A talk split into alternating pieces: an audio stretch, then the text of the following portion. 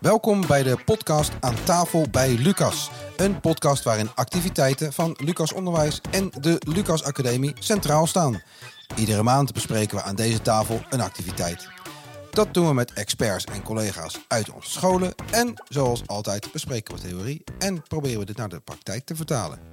Mijn naam is Sjoerd van der Vijver en ik ben een van de presentatoren van deze podcast. Ik ben docent levensbeschouwing en schoolopleider bij het Hofstad Lyceum in Den Haag. Deze maand voeren wij het gesprek over de publicatie 10 jaar ontwikkeling kindcentra. En dit boekje kijkt in 10 gesprekken met 20 medewerkers terug op 10 jaar ontwikkeling van kindcentra. De publicatie is in mei tijdens de tweede KC-dag aangeboden aan wethouder Keus van gemeente Leidschendam-Voorburg. Vandaag gaan we het hier aan tafel over hebben. Dus over deze publicatie. Uh, we blikken terug op 10, ont, 10 jaar ontwikkeling kindcentra. We zoomen ook even in op twee thema's uit dit boekje, namelijk het integraal leiderschap en de doorgaande lijn in de zorg. En we kijken ook nog even vooruit. Wat gaat er de komende tien jaar nog gebeuren bij deze kindcentra? En wie heb ik vandaag aan tafel? Ik heb drie dames aan tafel. Ik begin bij uh, Patricia. Patricia Strikwold, klusdirecteur en verantwoordelijk voor, het kindcentra, voor de kindcentra binnen Lucas Onderwijs. Uh, voordat ik verder ga voorstellen met de andere twee dames aan tafel. Uh, Patricia, tien jaar ontwikkeling kindcentra. Waar kijk jij nu met trots op terug? Ja, nou, waar ik met heel veel trots op terugkijk, is vooral de inzet van alle betrokkenen uh, op dit dossier. Er is heel erg hard gewerkt de afgelopen tien jaar door zowel mensen in het KC van de opvang onderwijs, als ook op de stafbureaus, maar zeker ook eh, bestuurders, om uh, onze kindcentra vooruit te krijgen. Super, prachtig. Dankjewel Patricia. Verder aan tafel uh, aangeschoven uh, Tina Oudshoorn, directeur-bestuurder van Vlietkinderen, een van de partners van Lucas Onderwijs. En daarnaast ook Anne Bloemarts, directeur van basisschool De Drie Linden, dat onderdeel uitmaakt van kindcentrum Linden Quadrant. ook van jullie ga ik eventjes vragen. Uh, ik begin even met Tine. Um, vanuit de Vlietkinderen ben je hier. Aan welke hoofdstuk heb jij meegewerkt in de publicatie? Nou, ik, uh, ik heb meegewerkt aan, uh, aan, aan het hoofdstuk KC-leiderschap. Dus, en dan vooral denk ik met de nadruk op leiderschap. Oké, okay, okay, super. Het, als ik me niet vergis, heet het, ging het over integraal leiderschap. Wat natuurlijk al een interessante term is. Gaan we het straks verder over hebben. Uh, en waar kijk jij met trots op terug als het gaat om de ontwikkeling van de kindcentra? Nou, wat ik denk, uh, wat onze allergrootste successen zijn, gaat vooral over uh, dat, dat we steeds doorontwikkelen. En dat we weer iets nieuws bedenken, omdat we denken: oh, dit geeft een antwoord op hoe we het beter moeten doen voor kinderen, ouders en medewerkers. En er is best wel veel tegenwind af en toe. Uh, maar dat we gewoon doorgaan. En ik denk dat dat de kracht is met elkaar. Doorzettingsvermogen. Gewoon doorzettingsvermogen. Gewoon doorgaan. Super, mooi om te horen. Dankjewel. Uh, Anne, aan jou ook uh, de vraag. En welk hoofdstuk had jij meegewerkt? Ik heb meegewerkt aan het hoofdstuk Doorgaande lijn en zorg Aha. binnen kindcentra. Kijk, dat is natuurlijk iets wat bij zo'n kindcentrum natuurlijk heel erg naar voren komt. Dat er een doorgaande lijn ontstaat op, uh, op veel meer leeftijden dan op een, uh, op een basisschool of alleen maar op een, uh, op een opvang. Um, en waar kijk jij dan met trots op terug als het gaat om de ontwikkeling van, van specifiek het kindcentrum waar jij aan de slag bent, bij Linde Quadrant? nou, als ik, ik, ik zit er nu zeven jaar en ook bij mij kwam het woord doorzettingsvermogen. Want we zijn echt alleen maar aan het proberen iedere keer. En iedere keer lukt er iets. En dan zijn we weer heel trots. En dan vervolgens uh, willen we dat door gaan zetten. En dan uh, nou, blijkt het toch ingewikkelder als je dat voor altijd wil gaan doen. En uh, iedere keer weer opnieuw proberen, iedere keer een keer opzoeken en het weer samen gaan doen. Dat is wel waar ik trots op ben, dat we dat met elkaar blijven doen voor het kind. Vallen, opstaan en weer doorgaan. Ja, een soort ja. Herman van Veen. ja. Precies, in ieder geval er wordt veel gerend en gesprongen ook, als ik het zo hoor. Um, uh, deze podcast uh, bestaat uit drie onderdelen. Uh, in het eerste gedeelte gaan we even terugblikken op de afgelopen tien jaar, zoals ook in die publicatie te vinden is. in het tweede deel gaan we even inzoomen op, op twee hoofdstukken. Daar hebben we natuurlijk onze gast ook op voor uitgenodigd. En als laatste gaan we even ook een vooruitblik doen. We gaan even beginnen met die terugblik. En ik ga het gewoon aan jou vragen, Patricia. Wat is eigenlijk nou een kindcentrum? Ja, dat is meteen een hele lastige vraag, want kindcentra komen in heel veel eh, kleuren. Uh, maar in principe is een kindcentrum een plek waar opvang en onderwijs en zorg gezamenlijk uh, de ontwikkeling van een kind ja, stimuleren in een doorgaande lijn, zowel didactisch als pedagogisch. Waarbij je ook aandacht hebt voor het wegwerken van mogelijke achterstanden, maar ook voor talenten. Dus talentontwikkeling is ook een heel belangrijk onderdeel. En dat doen we met een team dat echt heel erg samengesteld is, waarbij opvang en onderwijs en zorg eigenlijk één team vormt en mensen ook heel breed ingezet kunnen worden. Oké, dus je krijgt een veel groter team. Je krijgt een veel langere ontwikkelingslijn van uh, een, een, een kind. Ja. Dus je hebt het niet specifiek over leerlingen, maar we kijken echt naar het kind. Dat is alweer een beetje een ander perspectief, uh, lijkt me zo. Ja. Um, uh, maar wat voor behoefte wordt eigenlijk dan voldaan bij het uh, dat die kindcentra zijn ontwikkeld? In in uh, onderwijs spreken we altijd van leertijd. En in onze KC's spreken we heel graag van ontwikkeltijd. Dat betekent dat een kind eigenlijk van zeven tot zeven aanwezig zou kunnen zijn. En dat het ook alle tijd benut om zowel te spelen, maar ook al om, om te ontwikkelen. En dat is denk ik een hele belangrijke factor. En daar staat dus dat team ter beschikking, wat zowel pedagogisch als didactisch gewoon eenzelfde insteek heeft, eenzelfde visie. En de kinderen worden dus door iedereen gezien. En uh, nou, die doorlopende lijn zit daarin. Nou is het denk ik wel goed ook om te zeggen, want ik zei net al, KC's zijn er in een heleboel kleuren. Mm -hmm. uh, we hebben uh, KC's waarbij eigenlijk een aantal partners in één gebouw zit en nou, minimaal samenwerken. Um, we hebben ook uh, kindcentra waarbij de partners in een gebouw zitten, maar ook daadwerkelijk uh, op didactisch uh, gebied heel erg veel samenwerken, pedagogisch, waarbij um, nou, echt thema's doorgetrokken worden. Dus waar, waar je al veel intensiever samenwerkt. En we hebben ook, en daar zal Tina straks wat over vertellen, de KC's waarbij echt integraal wordt leiding gegeven door één leidinggevende met zijn MT. dus waar eigenlijk de aansturing niet meer in, in brokjes wegvalt, opvang en onderwijs, maar door één MT wordt aangestuurd. Oké, okay, dus we hebben het over organisatorische diversiteit, maar ook een diversiteit in, in welke partners een, een rol spelen binnen dat uh, kindcentrum. Ja. Uh, en, en dat lijkt, lijkt, klinkt wel ingewikkeld als ik het zo hoor. Uh, dat is het ook, ja. En zeker, weet je, we hebben nog een andere bekostiging, we hebben een andere CAO. Andere wetgeving. Dus er zijn echt wel heel veel verschillen. Maar ik denk dat dat het mooie is. En dat bedoelde ik net ook bij de start. Waar ben ik trots op? Het is een transitie. Wij hebben de kaders niet mee, om het even zo te zeggen. Maar binnen die transitie zijn we continu wel aan het zoeken naar de beste oplossing. En vinden we ook heel veel wielen uit. En we zien toch dat we telkens een stukje verder komen in onze ontwikkeling. En de buitenwereld begint dat ook te zien. Je had de kaders niet mee, zeg je net. Nee. Moet ik me dan voorstellen, gaat het dan om wettelijke kaders bijvoorbeeld, wat ja, dan niet meewerkt? Ook een CAO. Hè? Uh, het is inderdaad het wettelijke kader, het is ook uh, een CAO. Uh, dus er zijn een heleboel aspecten die voor de opvang heel anders geregeld zijn dan voor het onderwijs. Maar we zitten wel in hetzelfde gebouw en we doen wel heel veel zaken samen voor de kinderen. Maar de financiering bijvoorbeeld is heel anders.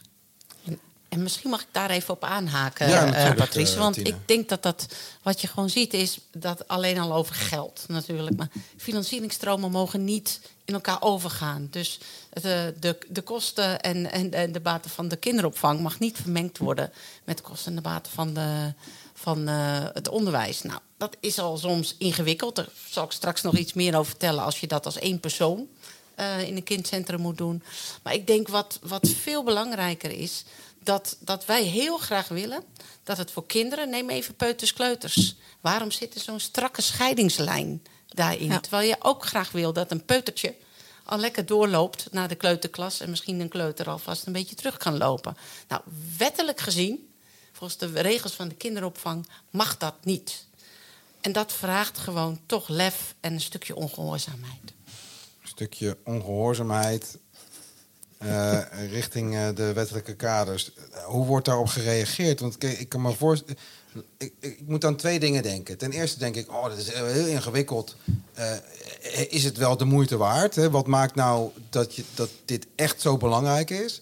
En het tweede wat ik, waar ik aan moet denken is... Um, ja, merken, merken ouders hier bijvoorbeeld wat van? Want ik kan me voorstellen dat zij... Dat, dat je wil zijn bewuste keuze maken... en dat je ook achter je, uh, je, je hele idee staat. Daar ben ik wel even nieuwsgierig naar. Nou, als ik nog wat aan mag vullen. Natuurlijk, Anna. Uh, want ik hoor hier allemaal dingen die op bestuurlijk niveau geregeld moeten worden over kosten en uh, geldstromen en dat soort dingen. Maar uiteindelijk is het begonnen volgens mij omdat we als maatschappij een opdracht hebben om onze kinderen op te voeden. En daar spelen ouders een hele belangrijke rol in. Maar we zijn allemaal, moeten we gaan werken tegenwoordig. Dus uh, de maatschappij verandert echt. En daarin spelen opvang en onderwijs een hele belangrijke rol. Want daar zijn kinderen heel veel tijd. Waar vroeger moeder thuis was of vader, ik wil niet uh, generaliseren, maar waar heel vaak de moeder thuis was. Uh, en daarvoor en tussen en na schooltijd het dorp een heleboel opving voor kinderen. Hebben tegenwoordig heel veel kinderen twee werkende ouders. En je wil daar uh, graag een goed alternatief voor bieden of een goede aanvulling voor bieden. Om die kinderen gedurende de dag zich te laten ontwikkelen. Waar dat vroeger thuis veel gebeurde, in mijn ogen, gebeurt dat nu veel meer binnen een kindcentrum. En dat is dus niet alleen maar school, maar dat is ook na schooltijd. Een kind staat nooit uit, dat leert altijd. En misschien, hè, Anna, want je noemt heel mooi werkende ouders. Uh, maar misschien in deze tijd gelijke kansen voor oh, kinderen. Ja, zeker. Dus ja. niet ieder kind gaat naar de sportvereniging. Niet ieder kind gaat naar muziekles. Dus misschien is het nog wel belangrijker dan ooit als we het hebben over gelijke kansen voor kinderen. Dat Zeker. in een kindcentrum krijgen alle kinderen de kans om hun talenten te ontwikkelen. De hele dag. Ik kan me ook voorstellen. Ja, ik kan me ook Ja. voorstellen dat het voor ouders die uh, voor- wie dit soort dingen ingewikkeld zijn, hè, überhaupt het onderwijs al ingewikkeld is. We zitten natuurlijk ook tenslotte in de grootstedelijke omgeving, dus ook voor sommige mensen is, is taal lastig en elke al die verschillende mensen. Dus het lijkt me ook heel prettig voor deze mensen om gewoon bij één plek terecht te kunnen met dezelfde mensen. Ja, voor mezelf denk ik van, nou, dan hoef ik eh, niet eh, eerst mijn zoontje naar school te brengen en dan mijn mijn dochter naar de opvang. Eh, dat zit dan gewoon in één centrum. Dat scheelt eigenlijk ook. Log- logistiek zou het ook al wat Hij is, hij is heel praktisch, hij is heel dus praktisch er zitten inderdaad. ook hele praktische voordelen aan als ik het Zeker. zo. eh, Maar het is, het is ook aan de voorkant, je hebt maar één eh, office hè, met wie je als ouder te dealen hebt. Eh, je weet meteen, mijn kind zit hier goed van het moment dat het naar binnen gaat tot aan het eind. Er is één gezicht dat, je, ja, dat, dat voor het KC staat. Ja, super. Eh, tenminste, ja, ik, eh, ik kan er niet eh, helemaal over oordelen, maar ik begrijp wel heel goed waarom ondanks al die ja, opstartproblemen, om het zo maar te zeggen, er wel een heel duidelijke motivatie is geweest om dit door te zetten. En, en succesvol, als ik het goed begrijp. Op die successen komen we natuurlijk nog eventjes terug zo meteen. Ehm, ik wil ook nog even vragen, Patricia, dit boekje, ja, eerlijk gezegd, voor deze podcast had ik hem nog niet gezien. Eh, maar ik werk op een middelbare school, dus dat is dan eh, misschien eigenlijk ook wel logisch. Maar waarom, waarom zou ik dit moeten lezen? Eh, het gaat, nou, inhoudelijk is het denk ik heel interessant voor iedereen die al bezig is met het vormen van een kindcentrum of die daar plannen voor heeft. Maar ik denk dat het ook voor een, mensen uit het VO bijvoorbeeld in dit geval best interessant is, want het gaat uiteindelijk over die doorgaande lijn. En we hopen in de toekomst ook echt nog aan te sluiten bij het VO. Dus lees het vooral in het VO. Eh, maar het, het geeft een heleboel handvatten. En het gaat ook over eh processen. Het is een transitie. En zoals in elke transitie. eh, ja, heb je successen, maar zijn er ook dingen die tegenvallen. En van de, eh, ja, die, die casussen die, die niet zo uitpakken als wij het groot hadden, leren we eigenlijk wel heel erg veel. Dus het is ook het proces van een transitie lezen. En misschien is het ook wel vooral, Patricia, het succes van mensen. Want Nou, dit gaat ook Ja. heel erg over dat je koplopers nodig hebt, mensen nodig hebt die ontwikkelingen verder brengen. En daar gaat die publicatie denk ik ook heel mooi over. Ja, het is inderdaad het, het verzetten van de bakens. En laten zien dat uiteindelijk in dit geval de kinderen, maar ook medewerkers en ouders er beter van worden. Ja, mooi gezegd. Ik, kan, eh, ik hoef er niks over te vragen. Prachtig. Eh, eh, daarom moet ik hem dus lezen. En wat je net ook zei, en terecht ook, al die ehm, eh, alle strubbelingen die je tegenkomen, uiten zich nu in, in ontzettend veel praktische en, en, en prettige tips die in het, eh, bij, bij elk hoofdstuk gewoon Ja. erbij staan. Dus Klopt. dit is ook al- gewoon eh, handig. Maar het is ook interessant om te kijken hoe dat proces daadwerkelijk verlopen is. Ehm, de, wa- wa- wat voor hoofdstukken vind ik nog meer, behalve leiderschap en doorlopende lijnen in de zorg? Wat, wat ga ik er nog meer in tegenkomen? Nou, er zit ook, ja, eigenlijk, je moet het gewoon lezen. Het is, eh, want met een titel alleen doen we, doen we mensen eh, en de verhalen tekort. Eh, maar het gaat ook over bestuurlijk samenwerken, wat natuurlijk een hele interessante is. Want dat gaat echt uit van vertrouwen. Ehm, en niet alleen op bestuurlijk niveau overigens, maar ook binnen een KC. Dit gaat echt over vertrouwen, dus dat is een hele mooie. Maar het gaat ook over wat voor medewerker zit er nou in een KC? Eh, wat is nou dat DNA van een eh, KC-medewerker? Maar ook hoe kun je op, als, als eh, medewerker van een KC of directeur, leidinggevende van een KC, samenwerken met de stafafdelingen? Er, zit, er zitten echt heel veel mooie verhalen in. Eh, te veel om ieder eh, apart te beschrijven. Oké, dankjewel. Ehm Tine, ik ga eh, eh, aan jou vragen. Jij hebt het, eh, meegewerkt aan het hoofdstuk over integraal KC-leiderschap. Eh, samen met eh, Matthijs Albers van KC De Bink.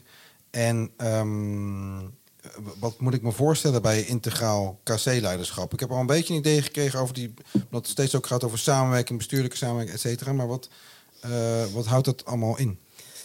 Nou, ik denk dat dat wat we doen op de Bink, dat is een voorbeeld van wat ik net zei. Je moet blijven ontwikkelen en steeds iets nieuws proberen. Dus wat we geleerd hebben in de afgelopen tien jaar, of negen jaar in dit geval Ja. bij de Bink.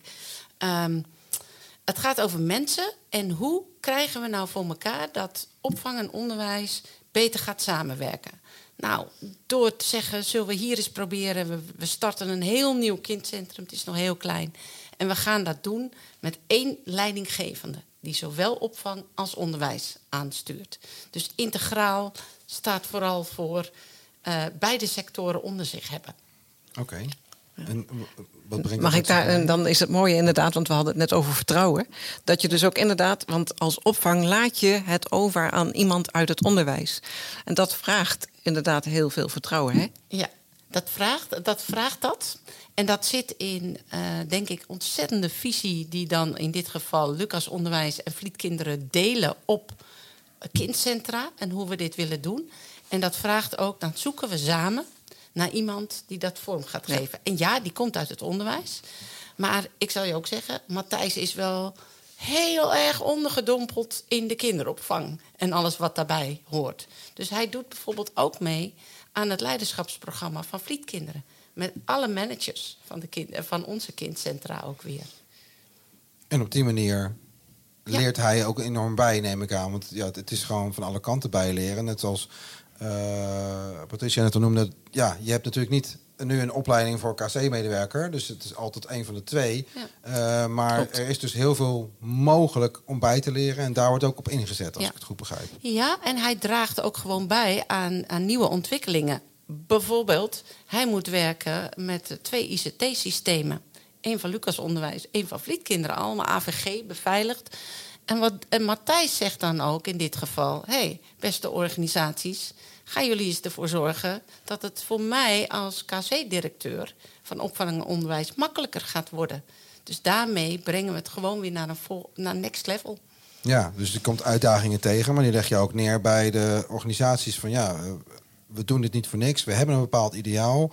En daarvoor wordt ook van de overkoepelende organisaties meer verwacht. Eh, we hebben het net nu over Ja. bijvoorbeeld ICT-problematiek. Ja. Eh, We hadden het al eerder over verschillende financiële stromingen die soms lastig te combineren zijn, maar waar je ook dan uit moet komen. Ehm, maar ik heb ook begrepen dat het gaat om het, dat, dat het personeel gewoon op op meerdere plekken inzetbaar is. En dat lijkt me een heel interessant, eh, interessant punt voor de, voor de toekomst. Ja, want we hebben het juist op die plek, maar ook op meerdere plekken, niet meer over leerkrachten en pedagogisch medewerkers. Maar juist bij de Bink zie je heel mooi dat het gaat over pedagogisch professionals. Of professionals met elkaar van het KC. Waardoor eh, de gelijkwaardigheid ontstaat. En ik denk dat dat heel erg belangrijk eh, is. Ook in leiding geven. Dat, je, dat, je, dat het gelijkwaardig gaat zijn. Maar ik denk ook dat het goed is in die kindcentra als er goed wordt samengewerkt, dan zie je ook dat personeel. eh, nou, even het voorbeeldje van de BSO op, de, op een van onze kindcentra, wat die best wel veel problemen kent. En daarvan hebben we gezegd: de, de combi van onderwijsassistent en de combi van BSO-medewerker. Dat doen we alleen maar samen. Dus we geven geen aparte BSO-contracten meer of aparte onderwijsassistent. Het is altijd en-en. Met als resultaat dat we op dat kindcentrum dus echt weinig personele problemen kennen. Nou, zeker in de, in de onderwijstekorten momenteel, eh, als zeker. het gaat om, om personeel, is, is dit ook een vorm Ja. van hoe gaan we dat te lijf? Ja. Zeker. Dus En we zien ook. ja. Ja. Bij opvang ook. Opvang Ja. heeft nog een- misschien wel een groter probleem dan, eh, dan onderwijs qua mensen. Maar dus het is een wederzijdse kruisbestuiving... dat als je inderdaad kan uitwisselen van personeel... ehm, dat je veel uitdagendere functies kan maken. Dat je ook veel meer waardering krijgt voor elkaars werk. Dat je elkaars toegevoegde waarde eh, ziet. Wat jij net zegt, Tine, van eh, eh, gelijkwaardigheid. Het is niet dat we hetzelfde beroep hebben... maar we zien wel dat we allebei een enorme toevoeging hebben... aan het opgroeien van een kind. En iedereen brengt zijn eigen ding in. Mag ik een kritische vraag stellen? Altijd. Eh, want ik kan me ook zo voorstellen dat eh, voorheen het juist altijd heel wenselijk was dat er maar één leerkracht voor een klas stond. Of dat er een, een vaste eh, medewerkers op een, op een eh, eh, opvanggroep eh, zaten. Gewoon voor de herkenbaarheid. Zeker ook voor die, voor die jongste kinderen is dat al heel belangrijk. Maar daar zit nu dus. eh, verandert dat dan nu, dat beeld? Of wat moet ik niet. Ja, ik denk het wel. Ik denk als je gewoon heel kijkt naar hele jonge kinderen. Daarvan weten we nog steeds, ook vanuit wetenschappelijk onderzoek, dat vaste gezichten heel erg belangrijk zijn. En dan hebben we het echt over 0 tot 1,5, 0 tot 2. Maar vanaf daarna hebben kinderen ook gewoon nodig dat er andere voorbeeldfiguren, nieuwe voorbeeldfiguren. Dus misschien op jouw kritische vraag kunnen we wel stellen: die ene leerkracht voor die groep met 30 kinderen. Misschien is, is, is dat wel gewoon verleden tijd. En hebben kinderen er veel meer aan als ze meerdere volwassenen met verschillende talenten tegenkomen. Om ook hun eigen talenten te ontwikkelen. Die onderschrijf ik wel, ja. Ja, maar ik wil er ook wel graag iets op aanvullen. Want juist omdat je in hetzelfde kindcentrum werkt en je dezelfde eh, visie hebt op hoe je met de kinderen omgaat. En omdat die KC-medewerker, die BSO-medewerker, in de school rondloopt en daarna ook bij de BSO is, of die onderwijsassistent loopt rond in de school en vervolgens is die ook op de BSO, kennen de kinderen Ja. dat team. Ja. Dus eh, mijn team Zeker. bestaat uit 35 mensen ongeveer. En het is een, eh, een vaste club. Ik hoef ook nooit kinderen naar huis te sturen. Want als ik een probleem heb in mijn klas, dan kan ik bellen met mijn onderwijsassistent eh, of die het over kan nemen samen met iemand van de BSO. Of als er iemand bij de BSO ziek is, dan heb ik nog wel een stagiair ergens. En daar ga je wel buiten de lijntjes kleuren. Want officieel van de GGD mogen dat soort dingen niet. Maar we gaan het wel doen, want bij ons ligt het de voorrang op dat de kinderen gewoon de hele dag bij ons op school kunnen zijn. In plaats van, of op school mag ik eigenlijk niet meer zeggen, hè, binnen het kindcentrum kunnen zijn. Maar hè, dat ze binnen zijn bij ons en, en onder de hoede van een volwassene groot kunnen worden. eh, in plaats van dat ze op straat rondhangen. En daar gaat het weer over kansengelijkheid.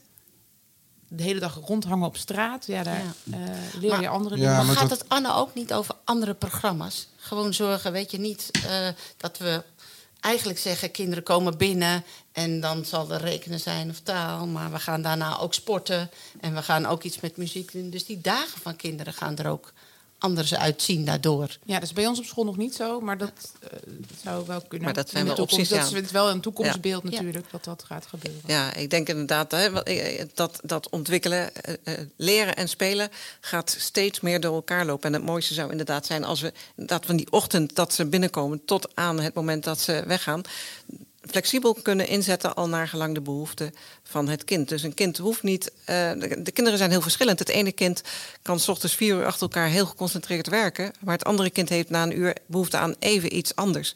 En daar is dat spelen en leren gecombineerd zo mooi voor. Dus veel meer flexibiliteit komt er ook Ja. eh, in. eh, niet alleen maar de fluïde inzet van personeel, maar ook fluïde meer in eh, alle werkvormen Ja. en, en het, het leergedrag Ja. van. eh, van eh, En hoe mooi is het dat een kind dat, dat ja, en hoe mooi is het een kind dat echt een talent heeft voor eh, tekenen, even naar een tekenles ergens kan of eh, een, iemand die heel goed is in sporten even eh, Ja. naar de gymzaal kan en daar hun talent verder ontwikkelt. Maar dat is wel utopisch wat je nu nog zegt, uh, Patricia. het is een utopie, ja, maar goed. We komen, we komen naar, maar we zijn toch wel aan het ontwikkelen richting uh, deze, ja, deze situatie.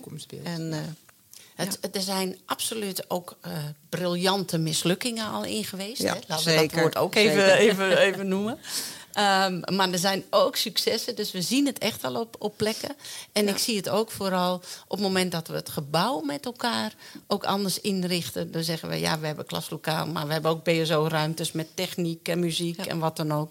Dus je kunt de hele dag die ruimtes continu gebruiken.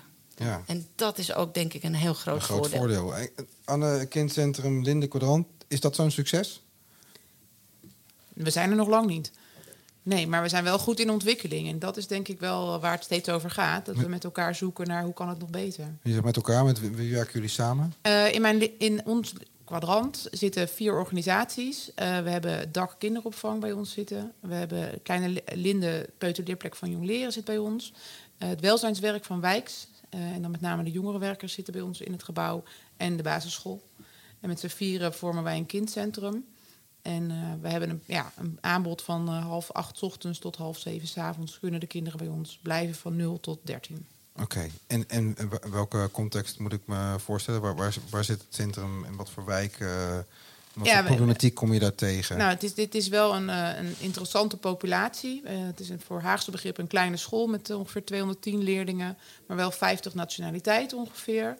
En echt heel uh, afwisselend qua achter, afkomst. Ehm, ja, ik zeg wel eens gekscherend aan de ene kant de tweeverdiener met de bakfiets komt bij mij op school, maar ik heb ook de alleenstaande moeder in de bijstand met vijf kinderen van vijf verschillende vaders. En alles wat daartussen zit. En dat is dus echt een heel gemeleerd publiek. En als je het dan hebt over kansengelijkheid, dan uh, kom ik echt wel hele schrijnende gevallen tegen. Waarbij kinderen inderdaad s ochtends naar school komen met een zak chips in hun hand. En die eigenlijk al vanaf zeven uur s ochtends op straat wachten totdat de school open gaat. En dus geen gebruik maken van het voorschoolsaanbod van de BSO. Eh, ook niet na schooltijd uh, daar naartoe gaan. Dan is er wel het jeugdwerk. Nou, en daar proberen wij iedere keer met elkaar te kijken: oké, deze kinderen, hoe kunnen we die um, gemo gemobiliseerd krijgen, die ouders, om mee te gaan doen en in uh, de goede opvang uh, organiseren voor hun kind. Dat ze op een veilige manier groot kunnen worden. Ja, de, de, de lijntjes met het jeugdwerk zijn super kort als ze ja. gewoon in jullie gebouw zeg maar, aanwezig zijn. en dat maakt het een stuk makkelijker om, om die hulp in te schakelen waar het daadwerkelijk nodig is. Um, hoe wordt er nou samengewerkt zeg maar, aan die doorgaande lijn in de zorg en, en ondersteuning? Nou, daar ligt onze uitdaging wel. We zijn echt de doeners met z'n allen. Dus er zijn allemaal mensen die heel veel, heel groot hart hebben en heel graag willen. Dus als we een probleem hebben, een casus, dan gaan we daar met z'n allen heel hard voor rennen en zorgen dat het opgelost wordt. Maar we merken ook dat in de dagelijkse gang van zaken het echt borgen met elkaar en daar een heel goed uh, uh, systeem voor bedenken. Daar hebben we wel ideeën over, daar mijmeren we wel over. Maar om het echt tot uitvoering te brengen is lastig. Um, dus we, ja. Um, ja, daar zijn we mee aan het vechten. En daar is tijd onze grootste vijand iedere keer. Um, maar jullie maken wel stappen daarin? Ja, ja we, we hebben een, een, een, ideaal. En daarvoor hebben we nu gezegd tegen elkaar... daar moeten we gewoon iemand voor vrij roosteren om dat echt te gaan doen. Om, om dat echt te gaan borgen met elkaar. Dat we, oké, je, hebt, je hebt een casus, wat ga je daar nu mee doen? Wie speelt daar welke rol in? Hoe vind je elkaar dan?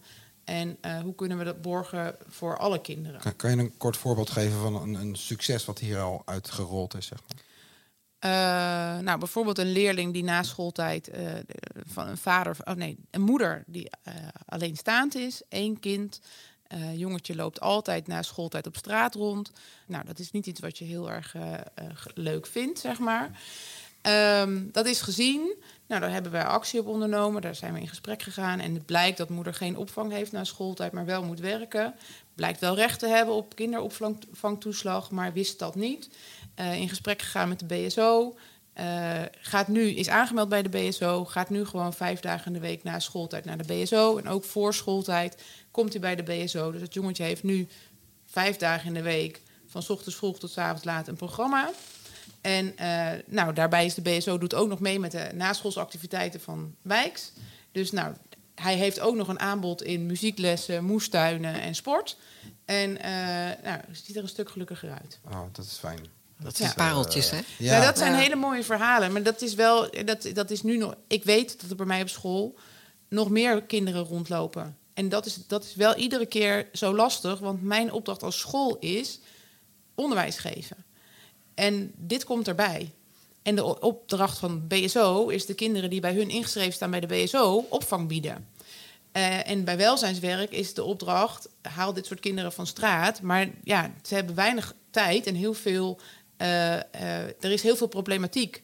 Dus iedereen zit een beetje in zijn eigen kokertje te zorgen dat het heel goed gaat, dat wat ze doen. En dat is wel waar we vaak tegenaan lopen. Van we zijn allemaal heel hard bezig in ons eigen kokertje en we zien wat er aan de hand is. Maar om de tijd te hebben om daar even boven te gaan hangen en die vindplek ehm, e- echt doorgronden en te zeggen van oké, nu gaan we dat met z'n allen ook oppakken. Dat niet alleen dit ene jongetje nu gered is, even tussen aanhalingstekens, maar dat, dat we dat als structureel als maatschappij op ons nemen. En daar zit echt een, een, eh, een uitdaging waar ja, op hoger niveau, met wat mij betreft, regelgeving eh, eh, echt aangepakt moet worden. Maar wij, waar wij ook op de vloer handen en voeten aan kunnen geven. Ja. Nu al. Dus dat is, dat is eigenlijk ook, als we doorgaan naar ons, eh, ons deel, dat we eigenlijk een vooruitblik hebben, ligt hier een van de uitdagingen voor de toekomst. In ieder geval meer, nog meer samenwerking, ook een duidelijk meer samenwerking in brede zin. Ehm, eh, in de publicatie vind je overigens achterin een, eh, een uitgebreide vooruitblik. Eh, dit is een van de ontwikkelingen die jij hoopt te zien, eh, Anne, als ik het, als ik het goed begrijp. Dat er dus duidelijk, meer duidelijke samenwerking komt, maar dat ook de overheid het beter gaat regelen. Zeker voor dit soort leerlingen en, dit soort kinderen die dit gewoon nodig hebben om zich goed te kunnen ontwikkelen. Ehm, en het is fijn om te horen dat het al regelmatig op de goede plek terechtkomt, die aandacht. Patricia, als het gaat om bestuurlijke samenwerking, wat is voor jullie de, de vooruitblik? Eh, die bekostiging, daar hadden we het al even over. Hè? Eh, de bekostiging van onderwijs en opvang zijn verschillend. Ehm, wat mij betreft kan die bekostiging eh, via publieke middelen van zowel opvang als onderwijs niet snel genoeg komen. Dan hebben we het echt over een ontwikkelrecht. Niet alleen een leerrecht, maar echt een ontwikkelrecht. Ehm, zolang die er niet is, moeten wij op bestuurlijk niveau er alles aan doen om in ieder geval te zorgen dat we ehm, wel de samenwerking zo intensief mogelijk maken. En eh, de belemmeringen wegnemen voor dit soort mooie ontwikkelingen zoals Anne hem schetst. Eh, ik denk dat wij heel erg helpend kunnen zijn door onze samenwerking. Om een voorbeeld als Anne beter te laten stralen. Ja. Ja, makkelijker te maken. Ja, ik dus denk- daar ik zit denk eh, als wat ik- betreft... eh, Ja, als ik daarop aan mag stellen. Ik denk dat, dat Anne vanuit de praktijk heel duidelijk ziet waar de hiccups zitten. Eh, en je kunt doorontwikkelen. In mijn beeld gaat het vooral over 1 en 1 plus 1 is 3. Dus we zullen met elkaar een soort andersoortige voorzieningen moeten maken. Als onderwijs blijft doen wat hij wordt, kinderopvang, zorg, dan krijgen we nog steeds hetzelfde. Namelijk eh, gewoon smalle sectoren die hun eigen ding doen. Dus we moeten echt zorgen met elkaar. En ik zie daar de eerste tekenen in het land, in Nederland al Ja. van. Dat er andersoortige ontwikkelvoorzieningen komen. Zo- Een soort eh, kindcentra 3.0. Waarbij je echt gaat zien eh, dat, dat, er, dat er sprake is van ontwikkelcentra met eigen teams waar zorg in zit. Waar brugfunctionarissen zijn die lijntjes liggen, leggen tussen problematiek van kinderen in de wijk en daarvan vrijgespeeld worden. Dus dat is denk ik wel echt mijn toekomstbeeld. En natuurlijk, politiek moet meewerken en de overheid moet meewerken. Maar als we daarop moeten wachten. Ja, want jullie Ja. zeiden in het begin al, eigenlijk Ja. waar jullie alle drie heel trots op waren. Waar, waar, waar het rijdt om, het, het is die inzet waar jullie zo trots op zijn. En het doorzettingsvermogen van die mensen. En het eh, tegen dingen aan durven lopen en daarmee Ja. dealen en weer, weer, weer verder gaan, weer opstaan. Eh, dat is hetgene wat het nu al zover gebracht heeft. En dat geeft ook wel een beetje weer vertrouwen dat het echt nog wel die stappen gezet gaan worden. Eh, en eh, zonder, eh, zonder dat je alleen maar wacht op, eh, op op de politiek. En dan ook soms een beetje stiekem ongehoorzaam zijn. Dat klinkt mij als muziek in de oren. Nee, maar dat is belangrijk. Want ik denk dat noodzaak, noodzaak tot het thema gelijke kansen, het, een noodzaak tot arbeidsmarktkrapte vraagt dat we gewoon een, een nieuwe wegen inslaan. Absoluut. En dan gaan inspectie en politiek en alles naar kijken en zeggen: ja, we snappen het wel. Ja, en die lopen ook altijd een beetje achter hè, op de werkelijkheid, laten we wel wezen. Dus die eh, zullen uh, uiteindelijk uh, hopelijk ook meegaan in, in die successen die nu behaald worden. Dus, nou, je noemt de punten al en je haalt alles uit de mond, Tine. Ik hoef het allemaal niet te zeggen. Um, we gaan afronden. Uh, ik wil jullie ontzettend bedanken voor jullie komst, uh, alle drie, Tina, Patricia en Anne. En uh, ja, dat jullie je licht hierover hebben kunnen laten schijnen en kunnen uitleggen wat er allemaal gebeurt. Ik wil ook Lianne en Raymond natuurlijk bedanken, de krachten achter de schermen hier bij de podcast. Ben je nou nieuwsgierig geworden? dit boekje kan je gewoon vinden op de site van Lucas Onderwijs. het is als pdfje te verzinnen onder publicaties. Dus ga er vooral eventjes naar de, naar de website toe van lucasonderwijs.nl. nogmaals hartelijk dank voor jullie input en tijd. Daarnaast bedank ik ook de luisteraars weer voor het luisteren naar alweer de achtste aflevering dit seizoen. Um, graag tot de volgende podcast. Die verschijnt waarschijnlijk in juli. Um, dat zal wel de laatste van dit seizoen zijn. Luister natuurlijk ook even nog naar de andere afleveringen van dit seizoen. En die vind je in je favoriete podcast-app. Uh, de aankondiging voor de volgende uh, podcast uh, volgt natuurlijk in de nieuwsbrief van de Lucas Academie. Tot de volgende keer dus. En zoals altijd, blijf luisteren, blijf leren. Bye.